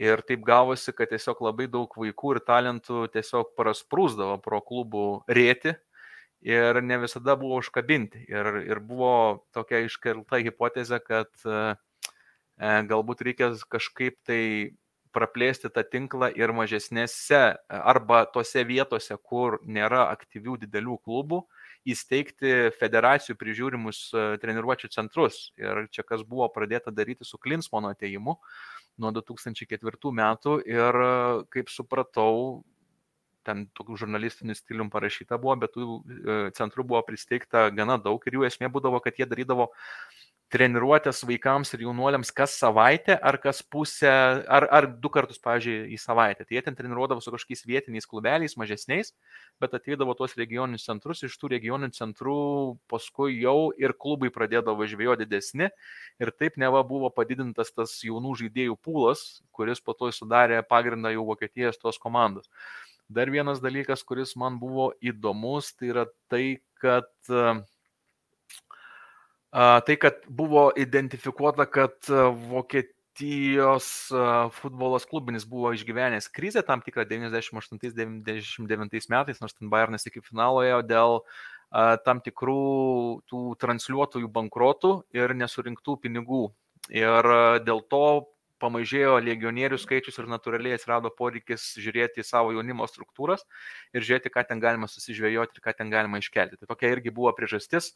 Aš nežinau, ar aš faktiškai gerai atsimenu dabar, bet esmė buvo tokia. Ir, na, ten paskui ta istorija vystosi, vystosi, žiūrėk, ten vienas žaidėjas iš ten atsiranda, kitas irgi ten paimtas iš kažkokio regionio centro. Man atrodo, toks Tony Krosas irgi iš ten kažkokio kaimo paimtas buvo ir panašiai. Ir vat, atsirado vat, toks dalykas. Dar vienas įdomus dalykas, kuris man tiesiog įspūdį tokį šiokį tokį padarė, tai kad labai didelis dėmesys buvo skiriamas ir normaliam bendrajam ugdymui ir mokymui. Tai yra, nebūdavo mokslai paliekami žaidėjų, dėl ko dabar po 2014 čempionato buvo džiaugiamasi, kad uh, tiesiog Vokietijos rinktinė yra labai intelektualų žaidėjai ir kurie labai gerai kontroliuoja savo asmenį gyvenimą ir labai gerus sprendimus priema tiek aikštėje, tiek, tiek, tiek už aikštės ribų ir geriau suvokia savo atsakomybę ir kaip turėtų būti elgiamas aikštėje, kaip būnama komandoje, koks yra ten e, koks jų ten socialinis statusas, kaip komunikuoti geriau ir panašiai. Tai čia aš nežinau, čia, čia galbūt ne raketų mokslas kažkoks, bet labiau tokios prielaidos, bet vis tiek ta analizė patiko. Ir aišku, istorija apie Dortmundo Borusijos įsirengtą e, įrenginį, kuris vadinasi Futbonautas. Nežinau, ar teko girdėti, ten tokia mašina ja. yra, kur žaid... Bet tikrai esat matę visi, man atrodo. E, ten tokia mašina yra žaid... ant dirbtinės dangos, yra toksai apskritas ratas, kur atsistoja žaidėjas ir yra keli aplinkui kamolių padavimo įrenginiai ir keli ten nežinau, gal 10 vartukų smulkių. Ir esmė, kad tau iššauna kamolį iš kažkur ir tu turi per ten 2 sekundės susikontroliuotą kamolį ir į vartus, kurie užsidega. Ten tokie, pavyzdžiui, vartai ap, ap, aptraukti tokiu ledu ir užsidega žalia šviesa, reiškia, juos reikia mūsų. Ir realiai kamolio kontrolė ir sprendimo prieimimo greitis yra e, vystomas. Ir aišku, buvo skirta istorija labai keli puslapiai knygoje apie tai, kaip uh, Roisas su Gioce labai mėgo šitą įrenginį ir ypač Gioce ir aišku buvo priskiriamas jo įvartis į Argentinai būtent tam įrenginiui, nes ten žiauriai gražiai susikontroliavo iš šiurlės atėjusi kamalį ir, ir pasiuntė į vartus. Tai vat, tokia knyga, šiai buvo įdomu prisiminti 14 čempionatai, buvau kai ką pamiršęs, nes italai labai anksti pakrito tame čempionate ir atrodė, kad labai blogai, bet kadangi paskui italai likusius du net nepateko, tai supratau, kad ir tas čempionatas buvo visai geras palyginus, nes bent jau anglai buvo plaši. Tai va tokia knyga, bet aš apie knygas, jeigu šiaip nesu did, labai didelis skaitytojas, tai esu daug ką praradęs gyvenime, bet uh, yra viena knyga šiaip vokiečių gerbėjams, uh, Müncheno Bayerno nebūtinai, bet vis tiek, jeigu Müncheno Bayerną mėgsti, tai vis tiek backgroundą ir vokišką mėgsti. E, tai yra tokia knyga, kurios negalėčiau, kaip sakyti, e, rekomenduoti per daug. Jis vadinasi Life Too Short ir čia yra biografija apie Robertą Enkę, tai yra Hanoverio beros, ar ne, ir Vokietijos rinktinės vartininką, kuris 2009 atimė pat savo gyvybę ir uh, labai, labai įtaigi ir emocinga knyga ir tu nu, tiesiog labai gerai išgyveni ir pajunti tą depresija sergančio žmogaus dramą ir ypač šalia esančių žmonių. Tai tikrai tiek ir jį gili ir Vokietijos, ten pavyzdžiui, vartininkų rengimo metodikai suprasti, tiek ir futbolo kai kuriam vidiniam aspektam suvokti, bet ta asmenė drama, nu kažkas tokio. Tai tik servetėlių reikėtų pasimti, nes tikrai ašaras gali pabaigoje pradėti kauptis. Tai, bet tikrai ja, rekomenduočiau. Geras vartininkas buvo ant ribos, buvo, kad gal net taptų pagrindiniu rinkiniu. Buvo kalbama, kad 20 turėjo būti startinis vartininkas, e, nes jau nuėjinėjo ten tie buvę herojai visi. Ir e, Noeris būtent irgi šoko po to e, į tą traukinį ir jau 20-ais Noeris traukė, nors visi kalbėjo, kad, kad greičiausiai Enkė būtų 20 startinis vartininkas. Ja. E, gerai, dabar reikia prisiminti, kur mes čia pradėjom. Tai turbūt esi vienintelis žmogus per du metus mūsų podcast'e, kuris apie Klinsmaną kažką teigiamą pasakė. Nepatiko jums kaip treneris, ar ne? Na, nu, kaip sakyt, įdomus jo buvo paskutiniai tie metai Bundeslygoje su Herta, čia pernai, man atrodo, liktai, nežinau, girdėjai, negirdėjai, kai Herta atėjo, tai ten kalbėjo, kad čia, oi, tą Hertą mes čia padarysim kaip. Ir galų gale pranešė socialiniam tinkle, kad išeina iš klubo kaip treneris, kai dar nei vadovybė, nei žaidėjai to nežinojo. Aš pripažinsiu, aš nežinau šitos istorijos apie Klinsmaną. Aš pats labai teigiamai irgi negaliu atsiliepti, nes toje pačioje knygoje irgi buvo labai, kuri e, parašyta beros gal prieš keturis ar penkis metus, bet jau tuo metu labai linksniuojamas tai knygoje yra Ragnikas. Mhm. Ir kaip davęs įkvėpimą, tuo metu dar mažai, aš sakyčiau, žinomam Tuheliui, Klopas aišku daugiau yra žinomas, bet būtent apie tą koncepto pateikį, pakeitimą, tai yra tam tikrą tokį matematinį prieimą prie futbolo ir būtent kurio esmė yra judėjimas aikštėje grupėje. Gegenpresas ir kiti elementai, kuriuo aš pats labai gerai nesuprantu, bet suprantu, apie ką jo kalba. Tai čia irgi buvo prie revoliucijos priskirta, kad šiek tiek nu, kaip Klopas sako, mes su bjauresnė ir mažiau talentinga kompanija, komanda, judėdami geriau grupėje, galėdavom statistiškai per visą sezoną aplošti kur kas geresnės komandas ir užimti geresnę vietą, negu mūsų biudžetas leidžia. Tai va čia toks irgi vokiškas inžinieringas. Gerai, ir tada nežinau, ar, ar galės irgi atsakyti, galbūt knygoje buvo kažkokia užuomina, atsakymas, kad, na, sako, buvo per daug, bėda buvo, kad buvo per daug koncentruojamas ne į žaidėjus, į klubus. Bet, na, tas laikotarpis, sakykime, Barinas, tu minėjai, kad žaidė finale 2-1, man atrodo, Bayeris. 99 ir 2-1 jie lošė. Jo, Bayeris irgi tam tarpe žaidė finale prieš Realą. Tada Dortmundas 9 pabaigoje, gal kažkada ten 90 kažkalintais irgi žaidė finale tikrai. Tai jeigu klubas, nu, kiek rinktiniai reikia žaidėjų? Nedaug. Mhm. Pagrindiniai. Tai jeigu klubai yra stiprus ir gerai europiniam kontekste žaidžia, aišku, ten yra ir legionierių, bet, na, vokiečiai vis tiek, jie visais laikais buvo vokiečiai, tai ten žaidė daug ir gerų vokiečių. Tai, tai kas čia tada neveikia, nežinau, nebuvo svarstama toj knygoje, kad, na, turėtų tai rinkiniai užtektų žaidėjų, nežinau, 18 ar kiek ten per visus klubus stiprius.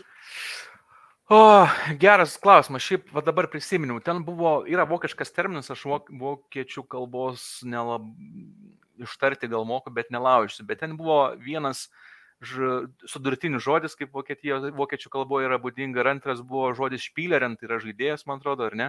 Mhm. O pirmas buvo kažkoksai pabrėžiantis ją vertę. Tiesmė buvo iškelta tokia hipotezė, kad visais laikais vokiečių rinkiniai turėjo būti kažkoks superžvaigždė, kuriam būdavo užkraunama tokia didelė atsakomybė temti rungtynės. Tai pavyzdžiui, apie kalbant apie 2002 metų erą, tai Michaelis Balakas be abejonės. Buvo toks žaidėjas, kuriam buvo va, tokia funkcija numatyta. Ir po to buvo pradėta kalbėti, kad ties 26 prasidėjo tam tikras virsmas ir nuimti galbūt nuo vieno žaidėjo tą tokią atsakomybę ir ją labiau padaryti kolektyvinę, nes būna, kad vis tiek vien tas pats žaidėjas ne, nebūtinai visas gerai rungtynės suloš ir kažkam reikia patemti. Bet aš dabar bandau tas komandas prisiminti, nu, pavyzdžiui, Müncheno Bayernas 99 metais finalė lošė, tai pavyzdžiui, startė buvo toks e, Janker Karsten žaidėjas, kuris mano supratimu, tai vienas toksai per istoriją gal mažiausiai patrauklių polėjų, kurie galėjo būti. Aišku, buvo Giovanni Alberas, ten toks legendinis brazilas, buvo ten tokie du blogiukai, Effenbergas ir Basleris, kurie rinktiniai pastoja prisidarydavo problemų, nes mėgdavo ir... Nebegalėjo jau žaisti po to rinktiniai. Taip, ten mėgdavo ir, kaip suprantu, ir gėrimų visokių, ir bordelius, ir bijau dabar sumeluoti, bet... Man atrodo, tu faktais apšėrė žurnalistus, tai ir baigė. Taip, taip tai, tai tokia, kaip sakyt, tokiom legendom labai nenueis. Ir, ir dar vienas dalykas, kas buvo identifikuojama, kad nu, tose e, ankstesnėse rinktinėse buvo vėlgi hierarchija ta tokia pakankamai ryški e, ir ko vėliau buvo atsisakyta. Na, prasme, nu, tas jaunesnis žaidėjas nelabai kažką gali pasakyti. Ten visi Kano labai bijodavo, nes Kanas, kaip pasako, jau turi būti. Ir, nu, kažkoks disbalansas yra. Na, ten buvo labai patikta istorija 26 metų pasaulio čempionate, kai Lėmanas su Kanu kovojo dėl vartų e, ir kaip e, Klinsmaną visi daužė dėl to, kad jisai Kaną išmetė ir Lėmaną pastatė, nes Lėmanas jam labiau tiko, nes Lėmanas biškai koją mokėjo labiau loškas, jau irgi buvo kažkoks įėjimas į tą tokį bendresnį konceptą, kad reikia, kad vartininkas, e, nu dar ne Noerio sweeperio pozicija, bet kad vartininkas irgi dalyvauja aktyviam žaidime ir gali tau padėti sukurti tą teritorinę trumpą persvarą, trikampį kažkokį. Ir, nu, trikampis matyt, Bayerno fanai gerai žino nuo Guardiolos laikų. Tai, tai jo, tai tokia buvo. Bet, vat, nežinau, aš man ta nauja vokiečių karta tai kur kas geriau atrodo. Nors aišku, romantika ten tiek tie visi klinsmanai arba uh, tas pats Balakas. Aš esu matęs Balako įvarčius Lietuvoje prieš, prieš, prieš Lietuvą. Tai abu iš baudos aikštelės ribų, liktai. Tai legenda žaidėjas, bet man kažkaip ta komanda 2.14, kai jinai ten užjudėjo, tai, tai labai gražiai atrodė. Gerai, neužsėdim, einam į visiškai paskutinę dalį, tai apie romantiką užsiminiai, tai romantiškas dalykas futbole, vienas iš nedaugelių turbūt likusių dar Vokietijoje 50 plus 1 taisyklė. E, sakėjai, visai pasidomėjai apie ją, ar ne? Ir, na, tai šiaip dauguma klausytojų, man rodos, ir žino, kas jinai yra, tai, bet... E, aš manau, kad ką, žino. Kaip, kaip futbolo fanas manai apie ją ir galbūt netgi iš teisinės pusės, ar, ar, kiek jinai, ar jinai gali laikyti, ar jinai tikslinga ją laikyti.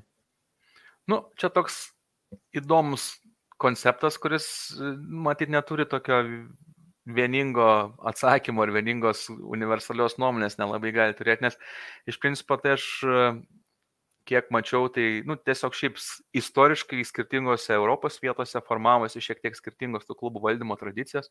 Ten Britai gana anksti nunėrė į privačias kompanijas, LLP visokias ir kitokius darinius ir iš karto suprato, kad futbolas čia yra, nu, jo bendruomeniai turi svarbę svarbią vietą, bet vis tiek tai yra komercinė kažkokia veikla. Tuo tarpu, pavyzdžiui, Ispanijoje iš viso iki dabar ten Realas ir, ir, ir Barcelona yra visiškai asociacijos, pelno negali išsimokėti, tik tai savo viduje išsileisti. Italijoje iš pradžio asociacijos, paskui tapo bendrovės, tai lygiai tas pats Vokietijoje. Aš pats susidomėjau, sakykime, labai taip irgi turiu tokį charakterio bruožą, man atrodo, kad man labai įdomu bus, bet kai pradedu gilintis, man neįdomu būna ir aš nebesigilinu. Tai esmė buvo tokia, aš norėjau pasitikrinti, nes man atrodė, kad tas 50 plus 1 yra labai romantizuotas dalykas ir praktiškai niekam nenaudingas ir nieko neveikia. Tai tiesiog pasiskaitęs šiek tiek pamačiau tą pačią istoriją ir man buvo įdomu prisiminti, apie ką tai yra. Tai vėlgi Vokietija susiklostė tą tokią tradiciją, kad klubai formavosi vis dėlto tų narių asociacijos pagrindų, nu, atsiriamant į bendruomenės, bet Vis dėlto realybė yra tokia, kad kuo tas futbolas labiau profesionalėje, vadinkime, ir komercializuojasi, kad ir kaip taip skambėtų, tas juridinio asmens vienetas, jisai tampa, nu, nelabai patogiai valdyti. Prasme, ten šaukti narių susirinkimus reikia, nu, įsivaizduokit, ten šimtą tūkstančių, kai sušauk, nu, tai pats gal irgi dalyvauju ten Bayerno susirinkimuose. Tai Nedalyvauju, bet kvietimus gaunu. Nu, va, tai va, nuvažiuok, kad nors. Reikės nuvažiuoti, tikrai, nes kartais būna linksmų dalykų. Tai va, tai, tai va toks ir dalykas, kad, nu ir dėl to, plus, pavyzdžiui, ten nepelno siekianti organizacija. Nu, sudėtinga yra kartais dalyvauti verslė su tokiu dalyku. Prisitraukti investuotojus be šansų iš viso, nes kažką investuotojai turi duoti, akcijų ir panašiai. Tai supratau, kad tokie klausimai Vokietijoje iškilo ir 98 ar 99 buvo pristatyta ta taisyklė ir iškart padarant išimti keliam klubam, man atrodo, Bayeriui ir Wolfsburgui. Tai yra tiem klubam, kurie 20 metų rėmė, vis dėlto buvo leidžiama neturėti tos asociacijos arba narių, nu, narių vieneto, kuriam priklausytų 50 plus 1 procentas nepaprastų akcijų, bet tų voting shares.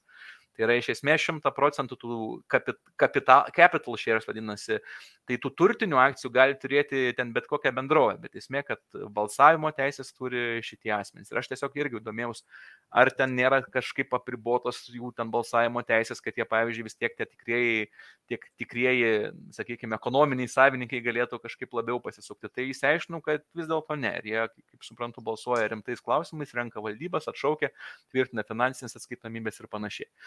Tai mačiau tokių dalykų, kad jinai, ta taisyklė buvo bandoma ją uh, šiek tiek daužyti per įvairius pagrindus ir bandyti nuversti, bet niekam labai nepasisekė, išskyrus 2009 metais, kai Hanoveris sugebėjo įrodyti, kad vis dėlto ne vien Wolfsburgui ir Bayeriui turėtų būti daroma išimtis, nes ta išimtis buvo fiksuojama 99 metais, bet ir tiem klubam, kurie šiaip 20 metų e, irgi rėmė, netgi po tos taisyklės pristatymo. Tai ten po to, aš kaip suprantu, Hoffenheimas nuėjo tokiu būdu, jiem leido būtent tokia išimti turėti, nors jie pradžioj formavosi mėgėjiško klubo pagrindu ir tas Dietmaras Opas turėjo realiai e, mažumą akcijų, bet paskui jiem leido daryti kaip toliau.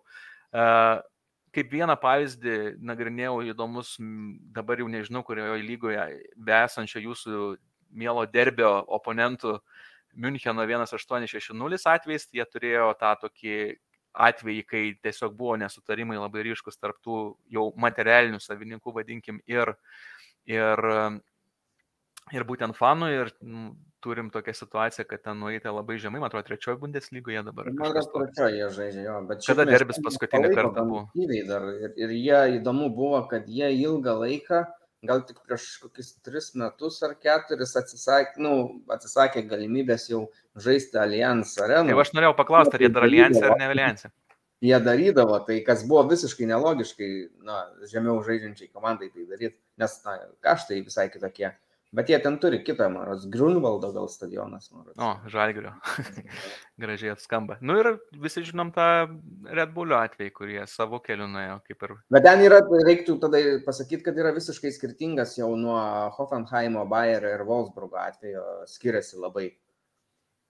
Ten jie realiai jau įėjo į rinką norėdami apeiti reguliavimą, jeigu taip galima pasakyti. Ir čia gali būti toks kaip kelias ir kitiems investuotojams, klubams, jeigu, aišku, nepakeistų taisyklių, kažkaip nepribos, nes, na, ką ten iš esmės padarė Leipzigas, tai jie nusipirko kitą klubą, įsigijo, sakykime, kuris egzistavo, nes jie, e, reikia, kad jeigu tu nori žaisti ten, kad ir ketvirtam divizionė, bet reikia turėti treniruočų bazės, na, ta, tarkim, tokia piramidė struktūra, e, daugiau komandų, ne vien tik tai tą vieną pagrindinę suburti. Tai jie pasiemė egzistuojančią, sakykime, struktūrą ir tada, kada 50 plus 1, tai jie Gal dar reiktų tada pasakyti 50, 50 plus 1, kad, na, Bayernė kaip tai veikia ar ne, bet ir kitose klubuose, kad e, negali kažkokia kompanija, kažkoks vienas investuotojas turėti daugiau negu 50 procentų akcijų. 50 plus 1 reiškia 50 bent 1 procentą turi turėti, na, klubo nariai, o klubo narys galiu būti aš. Bet čia kalbam apie tos balsavimo teisės, būtent ja. reikia išskirti tas turtinės ir balsaviminės. Pavyzdžiui, jeigu nuspręstų klubą pardavinėti, tai fanų asociacija negautų, nebent tokia kaip Müncheno Bayern, nes Müncheno Bayern yra akcininkė ir tų tikrųjų akcijų, kiek, kaip supratau, apie 70. Jo, bet tai ne, kad tos svarbiausius klausimus ten išrinkti prezidentą, jų Lichionės, ar ten dar kitus gali rinkti tokie žmonės kaip mes nuvažiavę.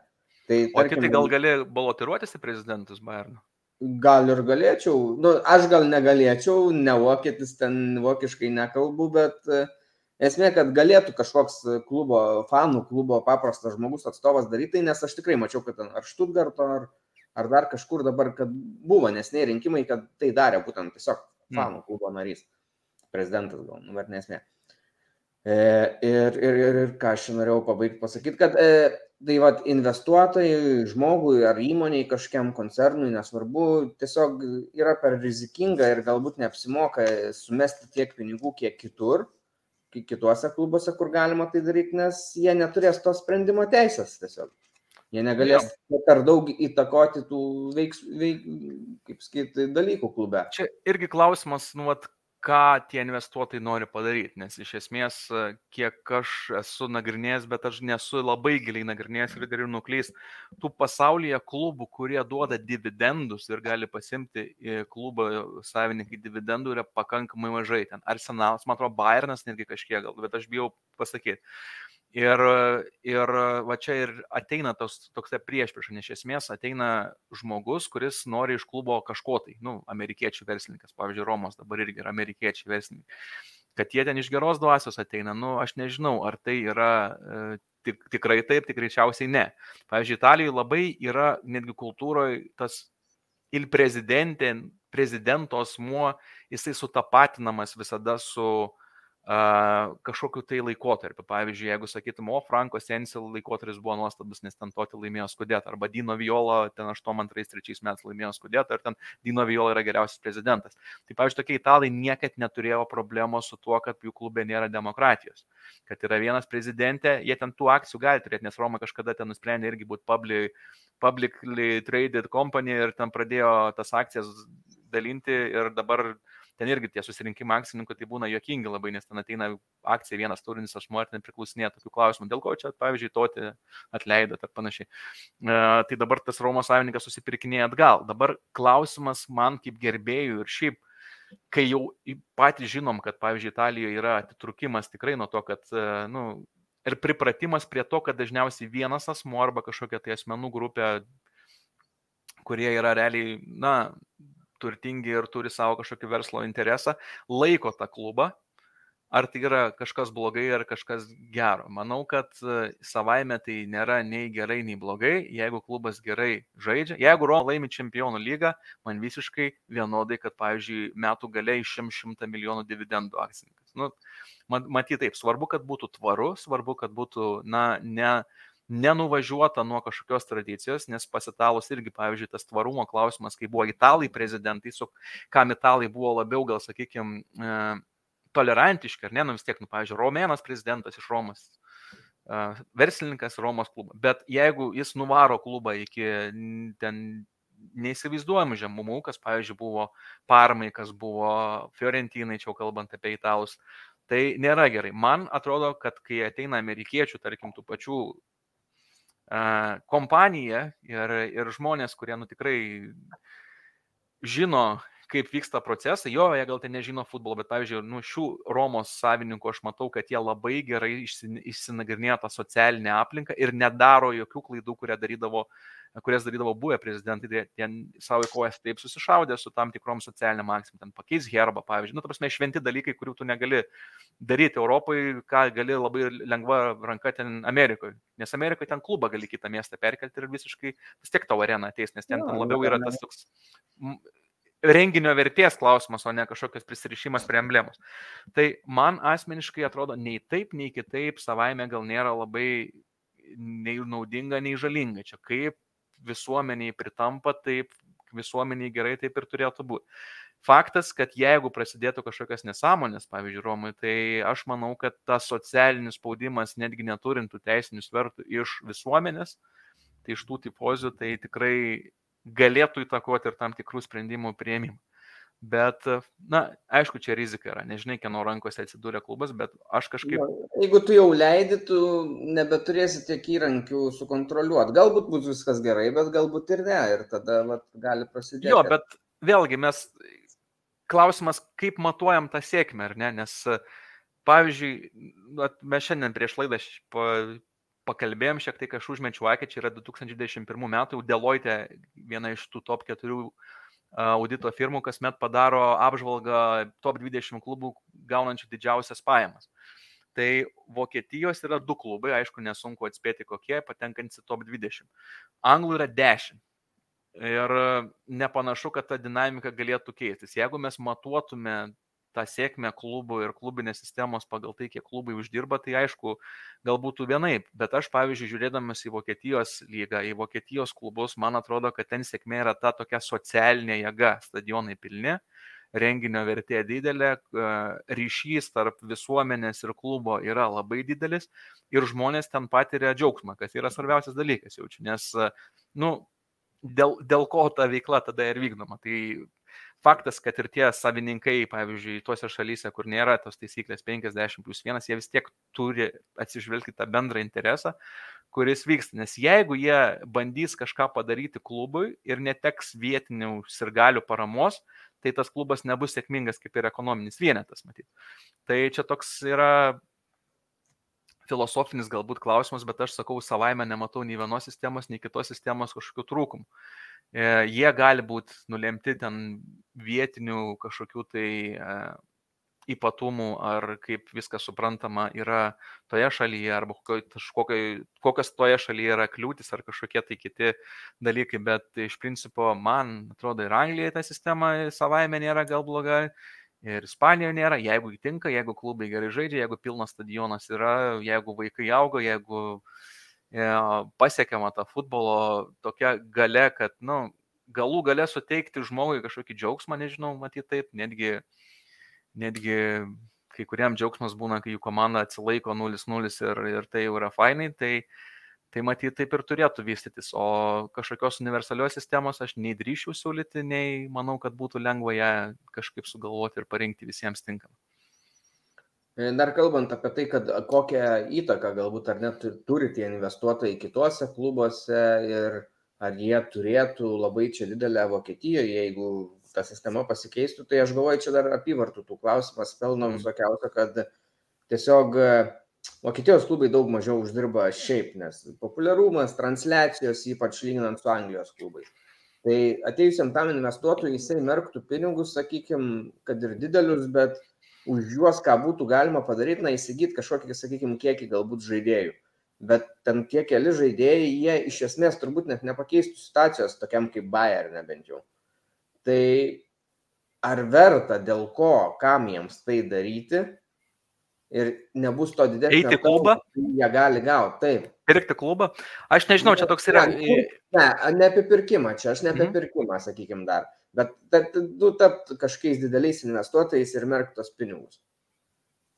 Tai čia toks, matyt, bet irgi, bet, bet ne, nu, neatsiejama nuo to klausimo, kito kam žmonės perka klubą. Tai yra žmonių, kuriem reikia dėl prestižo, kokiam Abramovičiui, arba dėl savo šalies pristatymo plačiai visuomeniai, tai čia šeikai visokiausia, iš neturėjimo ką veikti, iš dėmesio trūkumo, jeigu tu turi tiesiog milijardus plaukiančius, kodėlgi ne, ir, pavyzdžiui, neturint savo veiklos kažkokios. Bet aš, pavyzdžiui, žiūrėdamas tuos amerikiečių fondus, kurie ateina, tai, nu, nereikia matyti apsimetinėt naiviais, nebent jie gimė Romoje arba jų tėvai buvo gimę Romoje ir iš kažkokiu būdu jie gavo identitetą Romos ir nori jį tęsti, tai jų aišku yra matyti ilgalaikę perspektyvą ir ilgalaikė mintis yra susigražinti kažkokią tai gražą. Tai gali būti, nu, kaip normalūs investitoriai ateina, investuotojai ateina, tarkim, kažkokią kompaniją, kuri šiek tiek ne, neperformina, vadinkim, tai galima sustatyti tarkim, kažkokius tai procesus, pritaikyti technologijas ir žiūrėk, ta kompanija jau įsivažiuoja ir tu ją gali už dvigubai brangiau parduoti po trijų metų. Tarkim. Ir tai ir tavo jau. Aš tai matau problemą gan didelę įmant Vokietijos klubus, nes, okei, okay, yra daug kur plėstis komercinė prasme, kad uždirbti didesnius pinigus ir gauti gražą tada, bet vienas esminių dalykų, manau, irgi būtų bilietų kainos kur. Vokietijoje yra labai labai pigios. Aš esu nekartą minėjęs, kad Bundesliga, nesvarbu, tu žaidži, Bayernas žaidžia su Dortmundu ar su Bochumu, kad bileto kaina yra ta pati. Ir jinai siekia tam sėdimos vietos paprastam sektoriui 35 eurus. Tai čia jeigu pažiūrėtume, kaip sakė. Turėtų kelt kainas bilietų ir tai būtų per žiūrovus labai kirstų. Ir yra ir Julius Hionesas kalbėjęs apie tai, kad na, mes galim pakeltas kainas vos ne iki anglų lygio, e, bet žmogui individualiam tai bus milžiniškas skirtumas, o klubui tai bus netoks didelis skirtumas, tai dėl to neverta.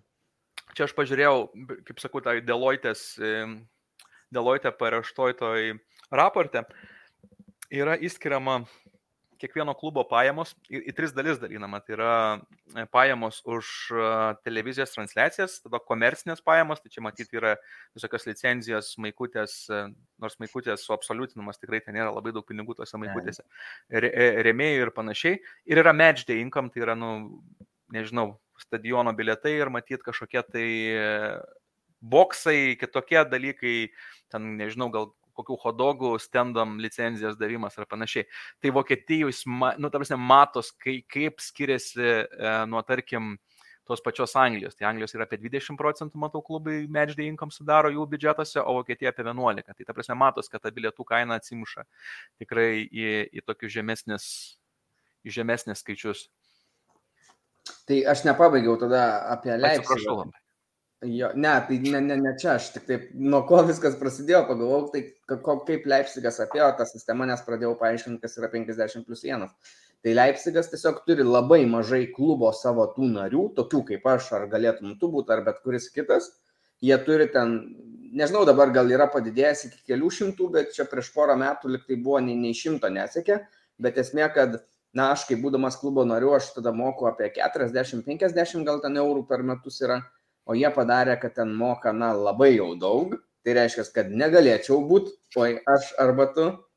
E, ir tada tie žmonės yra ne bet kas, o Red Bullio koncerno žmonės, ar ten dirbantis, ar parankus, ar kažką. Ir tada ta maža saujelė, kurie daug susimoka, nes yra turtingi, lojalūs, jie ir sprendžia, na, taip pat gražiai apeinama. Žinai, ką reikėtų daryti? Reikėtų crowdfundingą padaryti, greitai priimti daug narių, kurių galėtų susimokėti, tada nariai pakeičia sprendimą, sumažina mokestį, priimam dar milijoną ir va tos prametam. O, Bet iš principo, aš man atrodo, kad jie turi dar kažkokį vidinį kontrolės mechanizmą, kad sužiūrėtų, kas narys patenka. Nes nėra, man atrodo, skaičiau, kad tai nėra atvira sistema, kad ta prasme nėra, kad bet kas galėtų tapti nariu, ten turi patvirtinti kažkas, tai čia kaip Lietuvos futbolo federacija, kad ne, ne bet kas nariu gali tapti, ten turi praeiti pro, pro visus. Gali būti. Tai va, turbūt viską aptarėm, ar ne, Martinai? Kažką norėjau apie Romą pasakyti, bet gal nebereikia jau. Ja. Kitą kartą gal. Nu, jeigu, jeigu dar bus kažkokių įdomių klausimų, man tai šiaip visai smagu, žinok, nes, nu, tiesiog pamiršau, kad mes įrašinėjom ir tiesiog, va, diskusija su tavim, tik tai trūko kokio tai Paulanerio šalia. Jo, Bet gal kitą kartą. Reikės tada bent po laidos padaryti. Taip, tikrai taip. Tai ačiū, manau, tikrai buvo naudinga laida kaip sakiau, teisinį raštingumą kažkiek turėjom pakelti tą supratimą klausytojų ir temos buvo įdomios, manau. Tai ačiū tau labai. Ačiū tau už kvietimą ir ačiū už kantrybę tų žmonių, kurie išklausė gal. manau, tikrai bus nemažai tokių ir turbūt ir pats jau apsipranti dalyvauti podcastuose, jau vienas, antras, trečias ir žiūrėk. Nu, o trečias kol kas. Šiaip aš turiu, aš pripažinsiu, kad nors aš kartais man, nu, ne kartais, bet tenka ir teismus eiti, toks darbas mano, bet aš turiu dar tą viešą kalbėjimą tokią kartais šiokia tokia baime ir kartais reikia su savim padirbti, kad neustriktum lygioje vietoje. Bet kadangi šita tema malonė ir jinai tokia laisvai viniojasi be didesnių kažkokių apmąstymų, tai matyt gal lengviau praešti. Nuostabiai, nuostabiai, nuostabios tavo žinios, išvalgos, tai džiaugiuosi, kad galbūt ir prisidėjom šiek tiek prie to apsipratimo. Tai turbūt viskas, paskutinė šio sezono laida, tai buvo, susitiksim rugsėjį, tur, ne, atsiprašau, rūpjūtį ir sezonas prasideda, tai susitiksim rūpjūtį, aptarsim, kas, ko ten galim tikėtis ir iki vasaros pabaigos, iki. Gerų atostogų, tai. Ačiū. Iki.